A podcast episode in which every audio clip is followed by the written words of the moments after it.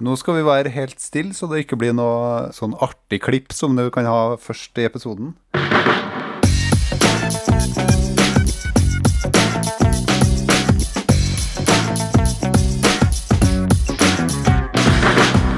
Du hører på Psykologlunsj, populærvitenskapelig lunsjprat med psykologene Tommy, Jonas og Jan Ole.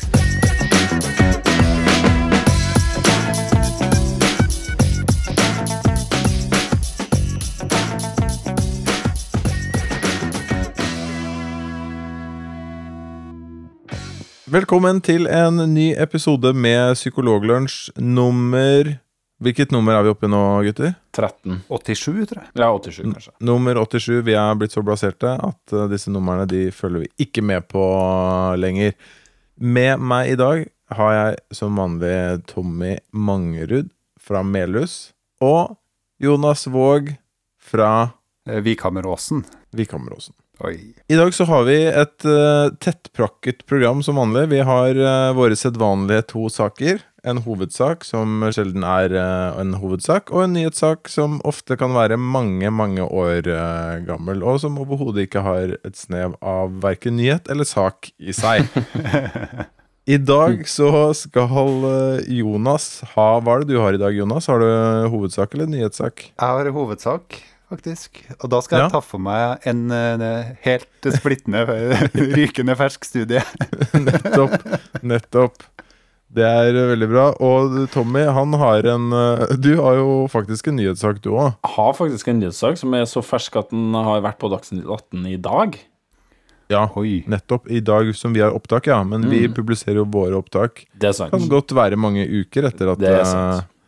Så i prinsippet så har vi, har vi aldri Men- nyhetssaker, for det tar så lang tid fra vi snakker om det til det publiseres. Ja, jo, Tommy? Ja, ellers så er det? det også veldig vanskelig å ta opptak og så gjette på hvilke saker i framtida som blir nyhetssak den dagen episoden blir publisert.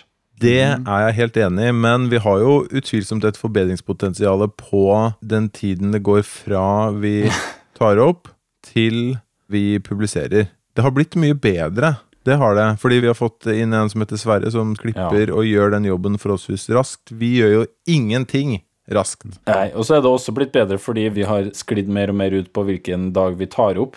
Sånn at vi bare utsetter og utsetter, og vips er det rett før eh, utgivelsesdagen. Vet du hva jeg har tenkt på? Det kommer til å skape noen utfordringer for oss, for vi har jo planer om å feire eller markere episode nummer 100. Men det er jo helt fullstendig umulig for oss å si noe som helst om når episode nummer 100 kommer til å inntreffe. Nei, det er Vi må ha et slags intervall. Ja. Kan ikke invitere masse folk til en happening når vi ikke vet når den happeningen skal være. Og veldig kjipt å invitere alle sammen til episode nummer 100, og så ser vi at det kommer til å bli episode nummer 92.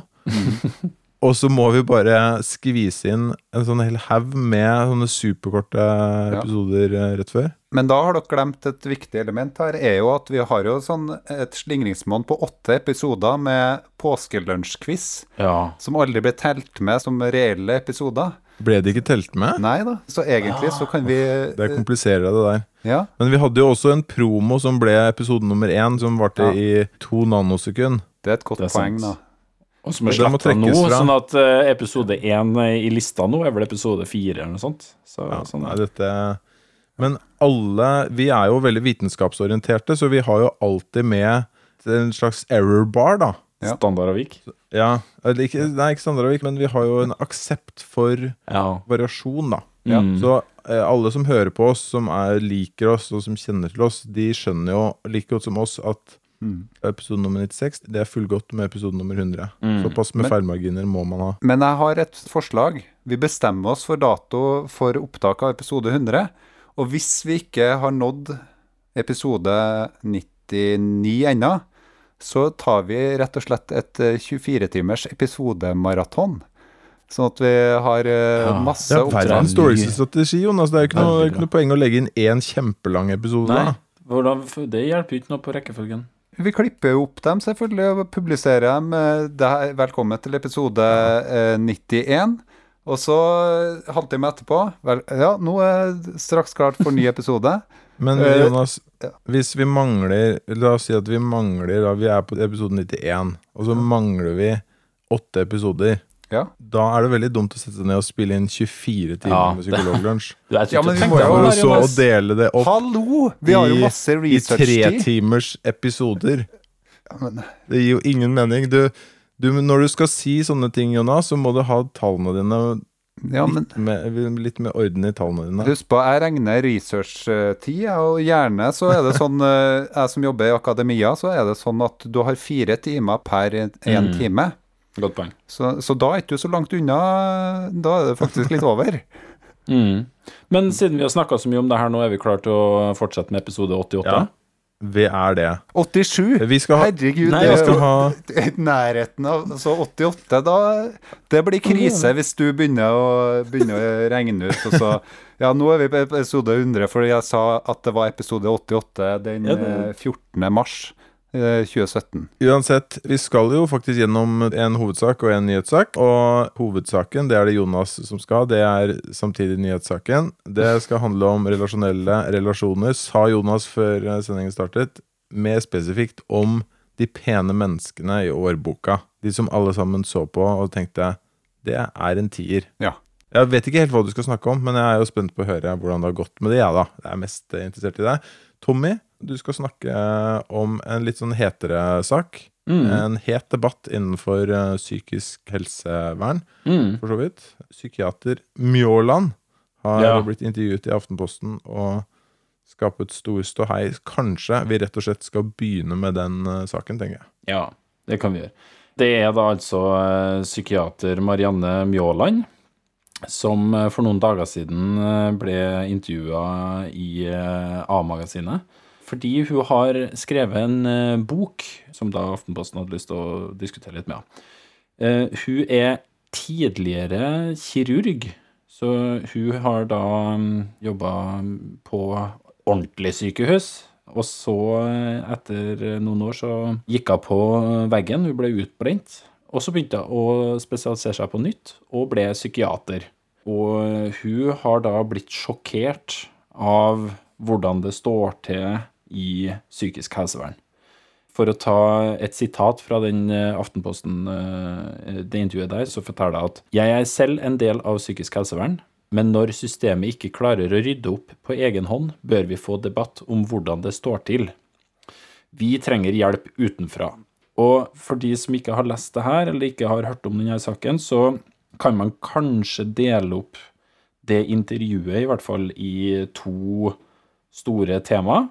Det ene er at hun kritiserer psykisk helsevern og psykiatrien for å være tilnærmet lik homeopati. Hun mener at det finnes eh, veldig lite dokumentasjon for at de metodene man benytter, har effekt.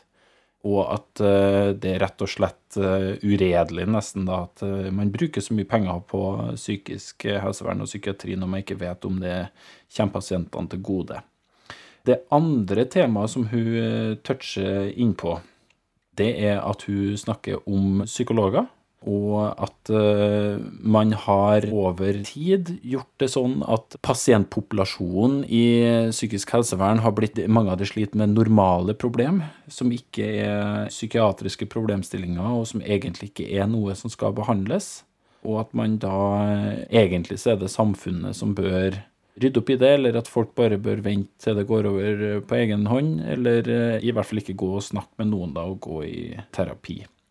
Det her har jo da ført til en del diskusjoner, og det seneste da som skjedde i dag, var at Mjåland eh, møtte til debatt i Dagsnytt 18, sammen, der hun møtte Heidi Tessan, som vi har hatt på podkasten her, visepresident i Norsk Psykologforening. Hvor de da eh, Eller det jeg la merke til, var at hun snakka ikke så mye om psykiatrien, som da det ikke finnes noen god dokumentasjon for hun snakka mye om psykoterapi. For i den Aftenposten-intervjuet så snakka hun også mye om eh, medisinbruken, og at det også er vanskelig med dokumentasjon på effekten av dem. Ja, og der møttes de og diskuterte, og nå er jeg jo litt spent på hva vi kan diskutere om det, da. Det temaet her. Har dere noen ideer? Eh, Jeg, jeg gjorde meg en del tanker da jeg leste det innlegget hennes i Aftenposten. Og for det første så tar hun opp veldig mange ting som vi også mener er uh, ganske viktige her. Som jeg vet Mm. at eh, vi har diskutert uh, mye oss imellom utenfor opptak, da.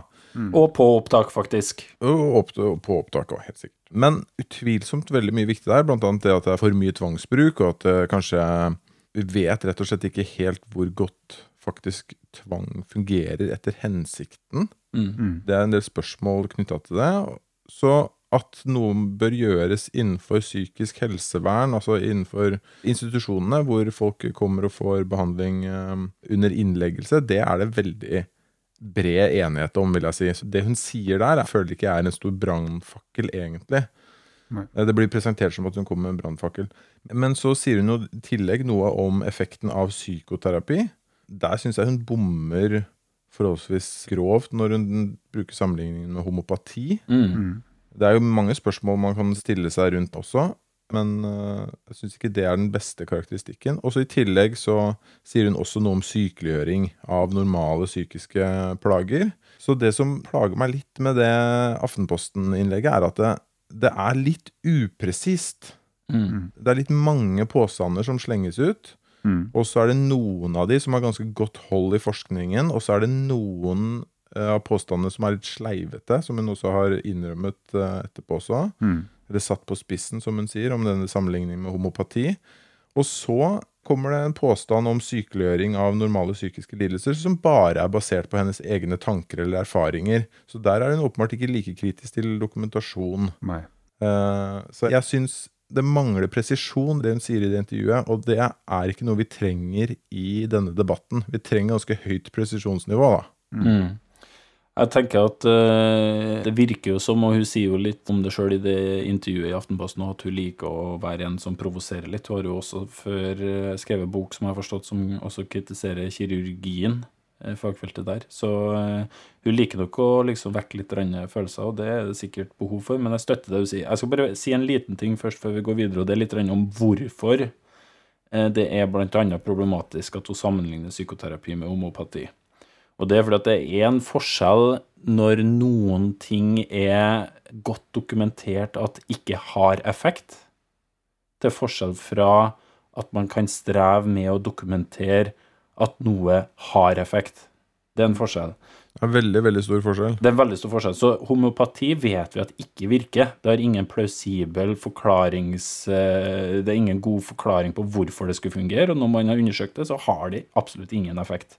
Men psykoterapi, som eh, Tessan eh, og for så vidt Mjåland kommer inn på i Dagsnytt 18 i dag, har effekt. Det er bare at mange, og der er nok mange psykologer også skyldige, er ikke alltid like klar over at det er problematisk å vite Man vet ikke alltid om det har like god effekt på alt mulig. da. Man vet ikke hvilke pasienter det har effekt på, og den effekten som man tror det har, er ofte ikke så stor. da. Så, ja. En ting jeg bet meg merke i, så hun hun kritiserer jo ulike deler. Da. For eksempel eh, så tar hun for seg det at vi ikke har sikre diagnoser som vi opererer med, og der er det jo egentlig legitim kritikk. Mm. da, altså vi jobber med diagnosekategorier som av enkelte diagnosekategorier er, dekker kanskje ikke det fenomenet veldig godt, det vi Mm. jobber med. Mm. Eh, I tillegg så finnes det andre diagnosekategorier som er altfor spesifikke, som heller ikke dekker det klienten din kommer med av problemer. da. Så um, diagnosekategoriene treffer ikke helt på den eh, pasienten du møter. Så der eh, har jeg legitim kritikk. Men d- på det som er knytta til psykoterapi og studier på det, så sånn som jeg har forstått det, da, så handler det mer om metodedesignet. Og hvis du da sammenligner en eh, psykoterapistudie med andre typer design, et ideelt design, da. Altså I et ideelt design så skal egentlig terapeuten som gir terapi til en klient som egentlig er tilfeldig fordelt til deg, den terapeuten skal ikke vite hvilken terapimetode den bruker Nei. i et ideelt design. Men uh, lytterne våre skjønner sikkert at det er ganske vanskelig å få til. Altså det å ha en terapeut som ikke vet hva er det egentlig jeg gir av type terapi. Så i et ideelt studie, altså type medikamentstudier og andre typer studier hvor man ikke vet hva man gir, da, og observerer det, så er det det ideelle designet, altså at det er et såkalt dobbeltblindt studie. Det kan vi ikke gjøre innenfor psykoterapistudiene. Men det betyr ikke at vi kan si sånn at det sannsynligvis har effekt, sånn som vi tenker i forskninga. Altså at eh, inntil videre så tenker vi at det her har effekt. Vi bruker det metodiske designet som er mest hensiktsmessig, og som eh, vi må basere oss på når vi gjør de her studiene. Vi kan ikke gjøre et dobbeltblindstudie, så derfor må vi basere oss på det metodiske designet vi har nå. Det er at det er pasientene som blir tilfeldig fordelt til ulike behandlere, som gir ulike typer metoder. En metode som du ønsker å undersøke, og en metode som du gjerne ser den opp imot. Og en gruppe som står på venteliste. Det er ofte et vanlig design. Så sammenligner man effekten mellom de gruppene. Mm. Det er liksom det beste vi kan få til. Og Det betyr ikke at det ikke altså Innenfor vitenskapen så forholder vi oss til resultater inntil videre. Frem til at det er noe annet som kan motbevise det. Og Det er veldig vanskelig for oss å skulle gjort det sånn at terapeutene skal gi noe som man ikke vet hva er for noe. Og så har vi kanskje det andre temaet som hun beveger seg inn på, da, nemlig det her med at uh, Psykologforeninga var jo veldig direkte og påpekt Psykologforeninga i Dagsnytt 18 har hatt en intensjon om å eh, sykeliggjøre normale fenomen. Eh, sånn at eh, hun mener at det er veldig mange som går i behandling som ikke har problem som kan kalles Eller som berettiger behandling, da. Og der syns jeg jo også at Heidi Tessan eh, besvarte det ganske bra med at eh, hvis en går rundt på en DPS, så er det ikke sånn at eh, korridorene er overfylt av friske folk. Mm. Det er ikke sånn at man sitter med massevis av pasienter som ikke trenger hjelp. Det er min hverdag i hvert fall ikke sånn. Jeg opplever at stort sett så er det forferdelig mye folk som strever og har det mye fælt, i varierende grad. Mm. Og det er jo der man da Vi har jo også snakka mye om det her med prioriteringer. Det er viktig. Det er viktig å prioritere pasienter både før de kommer inn til behandling, og også når man har det i behandling. Det er ikke alle som mm. skal ha mye behandling. Noen skal ha litt. Skal bare ha noen eh, råd og en forsikring om at det her går bra, og så fortsette med livet sin. Men flesteparten av de får flere timer og trenger behandling, da. Og så er det det her som Tessan var litt innpå, med at uh, den satsinga som har vært fra helsemyndighetene om kommunepsykologer, det er noe annet. Det er nettopp det hun eh, er med å mm. kritisere, da. Eh, Jonas? Ja, for det var nettopp det med kommunepsykologer. Og, og så Det her handler litt om hvordan vi andre, som eh, gjerne tradisjonelt har jobba innenfor et terapikontor, da, ser på hvordan psykologien kan anvendes. Og da kanskje andre faggrupper enn oss psykologer. Da er det gjerne sånn altså at I Norge så står psykologrollen ganske sterkt. Altså, det er vanlig at man har en psykolog som ansvarlig behandler. Det, det er lovhjemla, sånn at en psykolog fungerer som uavhengig helsepersonell som kan jobbe på egen hånd med pasienter. Sånn er det ikke i alle land. Men i Norge er det sånn. Og psykologrollen har blitt bygd opp til en rolle som er ganske tydelig. da for folk som er rundt. De ser for seg at uh, psykologen, da kommer du på terapikontoret og mottar terapi. Men det finnes andre arenaer hvor psykologer opererer. Altså uh, mer uh, knytta til mer samfunnspsykologiske problemstillinger.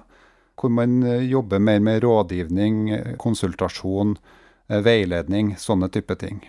Problemet når vi har en sterk psykologprofesjon som er som man tradisjonelt ser på som en som jobber på terapikontoret, er at det er vanskelig for dem som ikke vet om den andre rollen, til å se for seg at en kommunepsykolog jobber ikke på et terapikontor.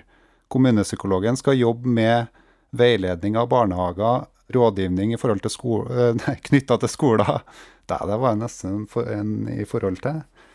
Eh, sånne type arenaer og her var det et problem i starten. Det var at kommunene gjerne sa at de ville ha kommunepsykologer som jobba på samfunnsnivå, med sånne type problemstillinger som var på samfunnsnivå. Men så ble de ofte satt til kliniske oppgaver likevel. Så her er en omstillingsprosess hvor også kommunene må lære seg å bruke psykologene godt til det det egentlig er intensjonen for en kommunepsykolog å gjøre. Mm. Og jeg tenker jo at eh, det er jo det vi har snakka mye om her. Vi snakker jo egentlig ganske sjelden i eh, podkasten her om eh, klinisk psykologi eller psykopatologi. Vi snakker veldig mye om normalpsykologiske fenomen, og det er jo som Heidi Tessan også påpeker, det er jo det som er i mange ganger forskjellen på en psykiaterutdanning og en psykologutdanning. En psykiater har i mye større grad fokus på patologi og sykdom. Så det er ikke rart at Mjørland også tenker mye på de aller, aller sykeste, som hun sier. Mens eh, psykologer er veldig eh, godt utdanna innenfor eh, normalpsykologi og det som er helt ordinære prosesser hos alle. Og det å streve og slite av og til, det er faktisk noe som de aller, aller fleste av oss gjør. Og det er ikke alle som skal ha behandling for det, men det kan være at det er andre ting som kan gjøres for at man får det mye bedre.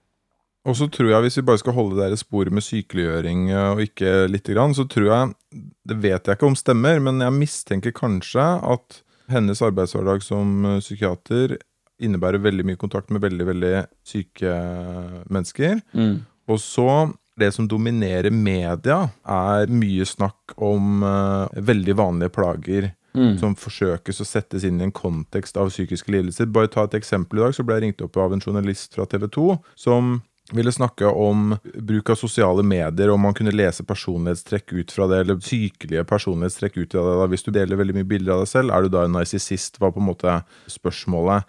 Og sånne type artikler leser man jo veldig mye om når det handler om Mm. psykisk helse. Så leser man veldig mange sånne ting, hvor helt normale ting blir satt opp mot psykisk eh, lidelse. Men det betyr jo ikke at helsevesenet rennes ned av disse type personene. Virkelig ikke. Og de vi ser i mediene, de som er representanter for disse lidelsene, er jo ofte også en ganske oppegående og ressurssterke representanter, så de kan fremstå som kanskje vesentlig friskere enn det de har vært eh, også. Så jeg tror kanskje ikke at hvis hennes bilde er fra innsiden av en eh, post i psykisk helsevern, så er nok det en dårlig sammenligningsgrunnlag. Mm. Men nå vet jeg ikke, det kan godt være at hun har jobbet masse på DPS eller i en poliklinikk og følte at eh, mange av pasientene hun jobbet med, var veldig friske. Det fikk jeg ikke helt med meg. Uh, når jeg kom inn på normalitetsbegrepet da, i, i Dagsnytt 18 i dag, uh, så var det litt uh, med utgangspunkt i at mennesker som har gått på en knekk, som f.eks. har mista jobben, da, eller det har vært et relasjonsbrudd, så trenger man andre ordninger, mer sånn samfunnsmessige tiltak for å komme seg tilbake på rett kjøl igjen. F.eks. da å få seg en ny jobb, eller få økonomisk støtte, eller eh, ja, altså eh, veiledning eh, som er noe annet enn terapi. Og det er jo ingen som er uenig i det. altså Mm. Sånne type tiltak har jo vi snakka om òg, at vi har vært frustrert over at det er vanskelig å ha oversikt over de samfunnsmessige tiltakene man kunne ha satt i gang for å og om man i hele tatt kan være med og påvirke dem da, fra en poliklinikksetting. Sånn at selvfølgelig så må det ligge både sånn politiske og samfunnsmessige føringer for at folk skal komme seg kjappere tilbake igjen på rett kjøl. Og der er det gode kritiske stemmer, sånn som f.eks. Ole Jakob Madsen, psykologer og andre kritiske stemmer som har vært ute og snakka mye mer sånn nyansert og godt om dette her tidligere. Som jeg syns hun bommer en del på. da. Jeg tror Ja. hun er med å forverre det der problemet, egentlig. Og det er akkurat det jeg savner. Jeg savner nyansene litt. Grann. Det var litt for mye å komme med så mange litt sånn upresise beskrivelser i det intervjuet, selv om det er en kjerne av sannhet og Mm. kanskje en del uh, veldig mange viktige problemstillinger, så, så å kaste 20 sånne baller opp i lufta og, så, og ikke plukke noen av de ordentlig ned, det er litt uheldig. Men det kan jo godt være at boken hennes eh, inneholder uh, mye mer dokumentasjon. Det kan godt være. Mm. Det vet jeg ikke. Men jeg tror kanskje at vi skal runde av denne saken, egentlig. Mm. Det er jo masse å diskutere, og vi kommer helt sikkert tilbake til flere av tingene. Det jeg tenkte, var jo at eh, ganske mange av de tingene som ble tatt ut, egner, egner seg jo godt til diskusjon eh, her. Så, det, så burde vi Mm. sette av litt tid til eh, flere Mm. av de tingene her. Men antageligvis så er jo denne debatten ikke død heller. Vi kommer helt sikkert til å høre mer om dette framover. Jonas, da skal vi over til årbøkene og Ja. de pene menneskene i dem. Vi skal ikke snakke om de stygge menneskene. Nei, kanskje litt. Nei. Ok, ja. Hvordan ble klassebildet deres, eller de bildene som ble tatt i forbindelse med russetida, var det vel vi hadde, vi i hvert fall på Strinda videregående hvor jeg gikk. Er dere Ja. fornøyd med dem, eller? Jeg skulle ønske at jeg visste at det ble bildetaking den dagen, så jeg kunne ordna håret mitt. ja. Men eh, nei, jeg husker at vi, vi hadde jo sånn bildetaking hvert eneste år. Ja. Og hvis vi var litt late, så brukte vi de til årboka. Men vi leverte ofte egne bilder til årboka. Gjorde dere det? Ja, ja, ja. Drøyt. Og da dro enkelte til det profesjonell fotograf, eller? Som profesjonell eh, bås, ja. Ja. Ja, sånn bås, ja. Betalte 40 kroner, og så fikk du fire passbilder. Ja, jeg lurer på, det, det er en yrkesgruppe som har dødd ut. Altså, de som satt inni de båsene og, Ja. og knipsa da du slapp på 20 kroner. Eller, eh, Fordi eh, veldig mange trodde jo at det var eh, helautomatisert, men det var Ja. jo ikke det. Nei. Nei, Nei. det var ikke Det det. var ikke det. Så tenk litt på Det det, var- dere som uh, flasha et eller annet inn på, inni den båsen og tok bilder og trodde det var bare til dere sjøl. Det gikk dårlig, da. Jeg satt Det- inne i et lite mørkerom og holdt på med vann og Ja. dynka sånn. bildene opp, ja. Kjemikalier og sånn, ja. Mm. Nei, noen har jo ønska å undersøke hvordan går det med de kjekkasene som var i den high school yearbook, sånn som så bra ut på det bildet, da. Mm. Da tok de en gruppe med damer, og så eh, ba de om å gå gjennom high school yearbook da, på to forskjellige skoler. En eh, i et område som sto godt til, da, sånn økonomisk sett, og en eh, gruppe som kom fra mer sånn arbeiderklasseområde. Altså to forskjellige skoler, da. Så de prøvde liksom å luke ut den der eh, økonomiske forskjellene. Mm. De damene skulle rate mennene som var avbilda i de bøkene. Og det var for 30 år siden at de bildene var tatt. Og motet Eh, har jo ikke forandra seg, eller sånn nei. virke Og det var, attraktivt. det var til sammen 238 menn da, mm. som ble rata. Eh, Så gikk man etterpå og sjekka i Ancestry, altså sånn register over eh, hvordan det gikk med dem sånn, eh, med tanke på giftermål og antall skilsmisser, Mm. og lengden på giftermålet. da. De skulle gjette på antall skilsmisser? Eh, Nei, det hadde de register over. Ja, ok, ja. Så det de ønska å undersøke, var det sånn at eh, er det mindre attraktive menn, eller er det mer attraktive menn i High School Yearbook som har Ja, de mest gunstige relasjonene i, i senere i livet? Mm. Det de fant ut, var at uh, de som ble reita som kjekke menn, da, eller kjekke ungdommer, de hadde flere skilsmisser, kortere ekteskap, og også flere ekteskap da, enn uh, mindre attraktive menn. Dette er fire studier i én studie. Det er et fantastisk studie. da. For ut ifra det så tenkte de sånn Oi, her ser det ut som om at attraktive menn de skiller seg en god del, og de har eh, kortere ekteskap, og det ser ut som det går dårligere med dem enn mindre attraktive menn. La oss se på kjendiser, da. Så tok de for seg 130 kjendiser ut ifra Forbes-lista, og så i tillegg de mest kjente skuespillerne. Og da var det de samme damene som reita de kjendisene, da, om de var attraktive eller ikke. Og det samme fenomenet så man der. Dess mer attraktiv de kjendisene var, dess flere skilsmisser og dess, dess kortere ekteskap. Mm. Og nå begynner det å bli artig, da. For det her er jo sånn eh, på Et kjapt spørsmål. Ja. Er ikke det litt smør på flesk å si desto flere skilsmisser, desto kortere ekteskap? Er jeg føler, at, jeg føler at de to tingene henger veldig veldig tett sammen. Du kan, du kan ikke ha du kan ikke ha masse ekteskap og kjempelange Ja, ekteskap. men det se, se for deg at du starta med å være gift som 18-åring, da. Fordi at Ja. du var en kjekkas. Så Ja. gift fram til du var 40. Og så gifta jeg på nytt igjen, fra 40 til 60. Og så gifta jeg på nytt igjen fra 60 til 80. Og så kom det ei attraktiv dame og ville ha pengene dine, fra 80 til 110. ja. Så da har du egentlig ganske lange ekteskap, altså. Bortsett fra den mindre attraktive mannen som kanskje ikke får seg dame før han er 60. Undersøkte de det også? Ble de, var, eh, var tidspunktet for første ekteskap og så var det et betydelig forskjøvet? Nei, så grundig har ikke jeg sett. lest ikke- Det ble artikkel, ikke det ble artikkel fem. ja. Ja, okay, Studie tre. Ja, Studie tre.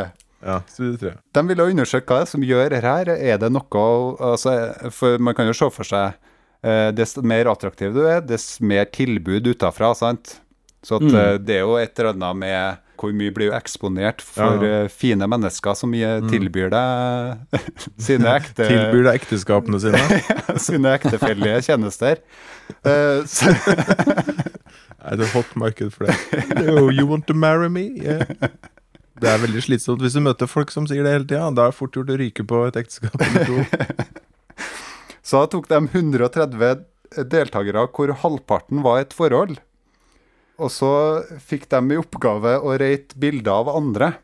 Altså hvor attraktive andre var, da. Og samtidig så satt det noen forskere og rata hvor attraktive de som satt og rata de andre var. Ja, ja. Det er så fantastisk med psykologer. Var det attraktive forskere, eller? Som satt og rata dem som rata dem som var Nei, det vet ikke jeg. Ja, det er egentlig skulle ha gått en sånn sirkel, eller så kunne dem som reita, reita forskerne igjen. Så kunne det blitt bare en sånn en sirkulær eh, greie, da. Men eh, det var ikke det. Uh, så se for dere 130 personer sitter uh, kanskje ikke samtidig, men de sitter og reiter bilder. Antageligvis ikke samtidig. det sitter noen forskere og reiter dem, om de er hot or not. Og da fant man ut at uh, mer attraktive mennesker tenderer til å reite andre også mer attraktive. Ok, ja. Så som de da De bruker uh, skalaen annerledes. Ja. Det virker Mm. som at dess mer attraktiv du blir rata sjøl, da, Mm. dess mer tenderer du også til å rate andre som attraktive personer. Hva er Eh, hypotesen for det, da? For det jeg kan se for meg, er at uh, du har jo en sånn, liksom, sånn, sosial kontrasteffekt, kanskje. Mm. Mm. Der, hvor de som er veldig pene, de kan tåle å være mer rause med andre fordi de er så utrolig pene. Mm. Da synker de ikke sosialt i rang ved å gi andre høyere De tåler å gi andre høyere vurdering. Mens de som ikke er så pene, de må sikre sin egen sosiale status ved å vurdere andre som lavere. Men det som er en artig twist her, da, Oh, ah, twist. det, det var at den effekten så det bare hos dem som eh, var i et forhold. Ja. Oi, det, så det var klokt tenk å nevne den effekten? Ja, Ja, ok, ja. absolutt. Men den var, effekten var bare hos de i et forhold. Ja. Ja, hva, hva leser de ut av det, da? Nei, det var jo at uh, det virka som at attraktive mennesker som var i et forhold, uh, tydeligvis hadde høyere interesse i andre folk Ah, når de skulle rate dem. jeg skjønner. Jeg skjønner, ja. så og så en fjerde studie, da.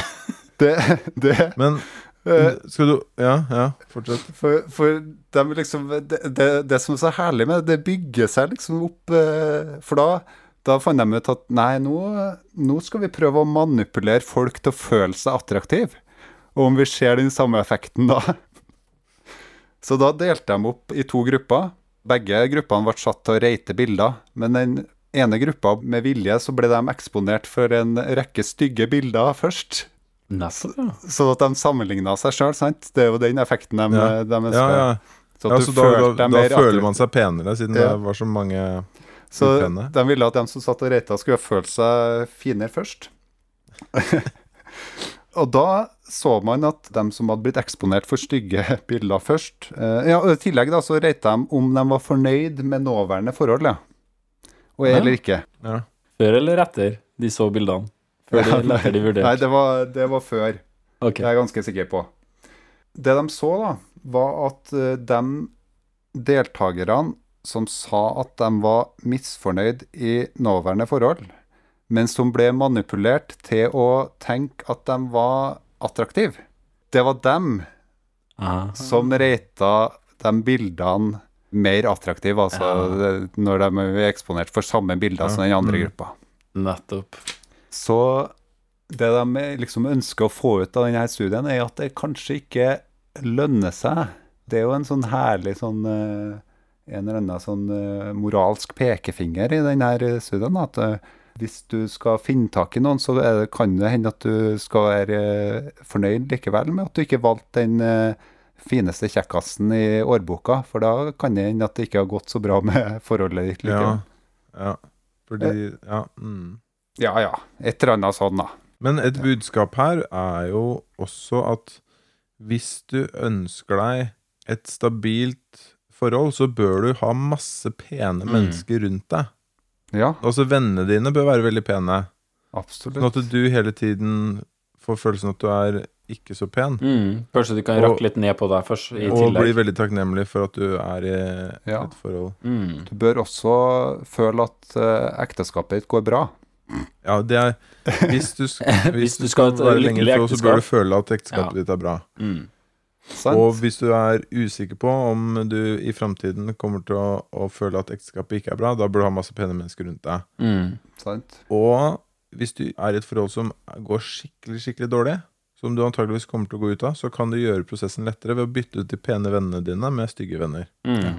Så frem til neste gang så kan jo alle sammen gå inn på Facebook, og så kan man eh, sjekke relationship-statusen til den man eh, hadde en sånn high school eh, crush on. Ja. Så kan man jo sjekke om ja, Forutsatt at den man hadde en, altså var avstandsforelska i, faktisk var den mest attraktive på skolen. da.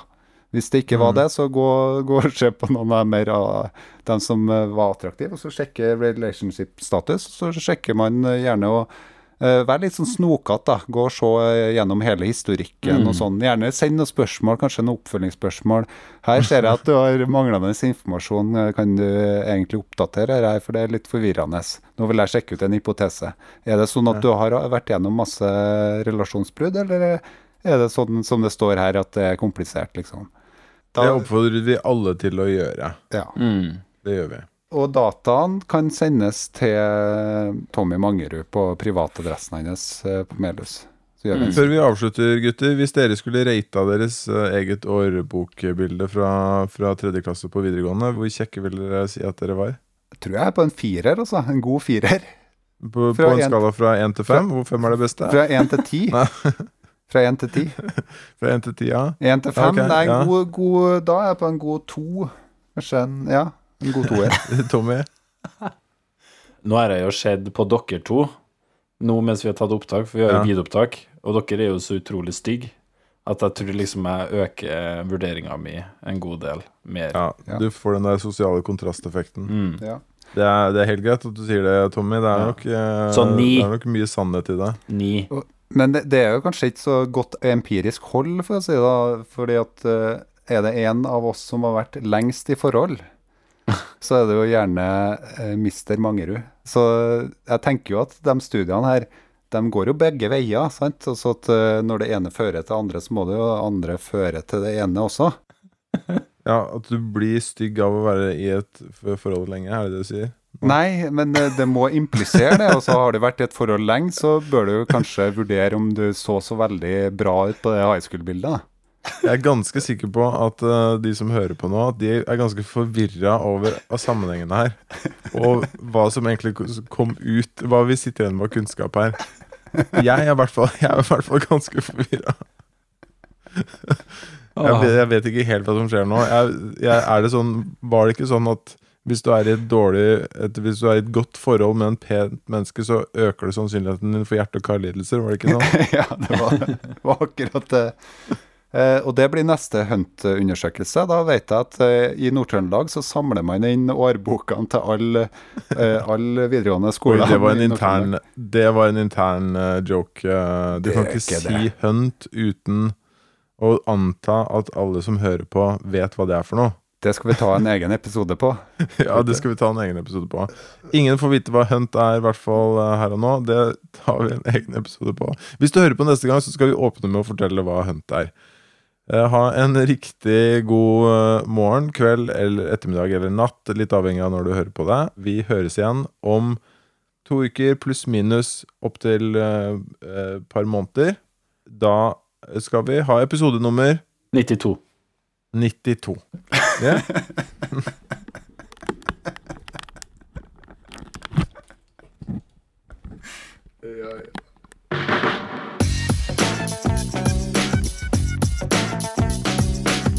Du har nå lytta til Psykologlunsj. Har du noen spørsmål, kan du søke opp Psykologlunsj på Twitter, eller du kan sende en e-post til psykologlunsj alfakrøll gmail.com. Mer informasjon om temaet du har hørt i dag, finner du på psykologibloggen.no og tankesmed.no.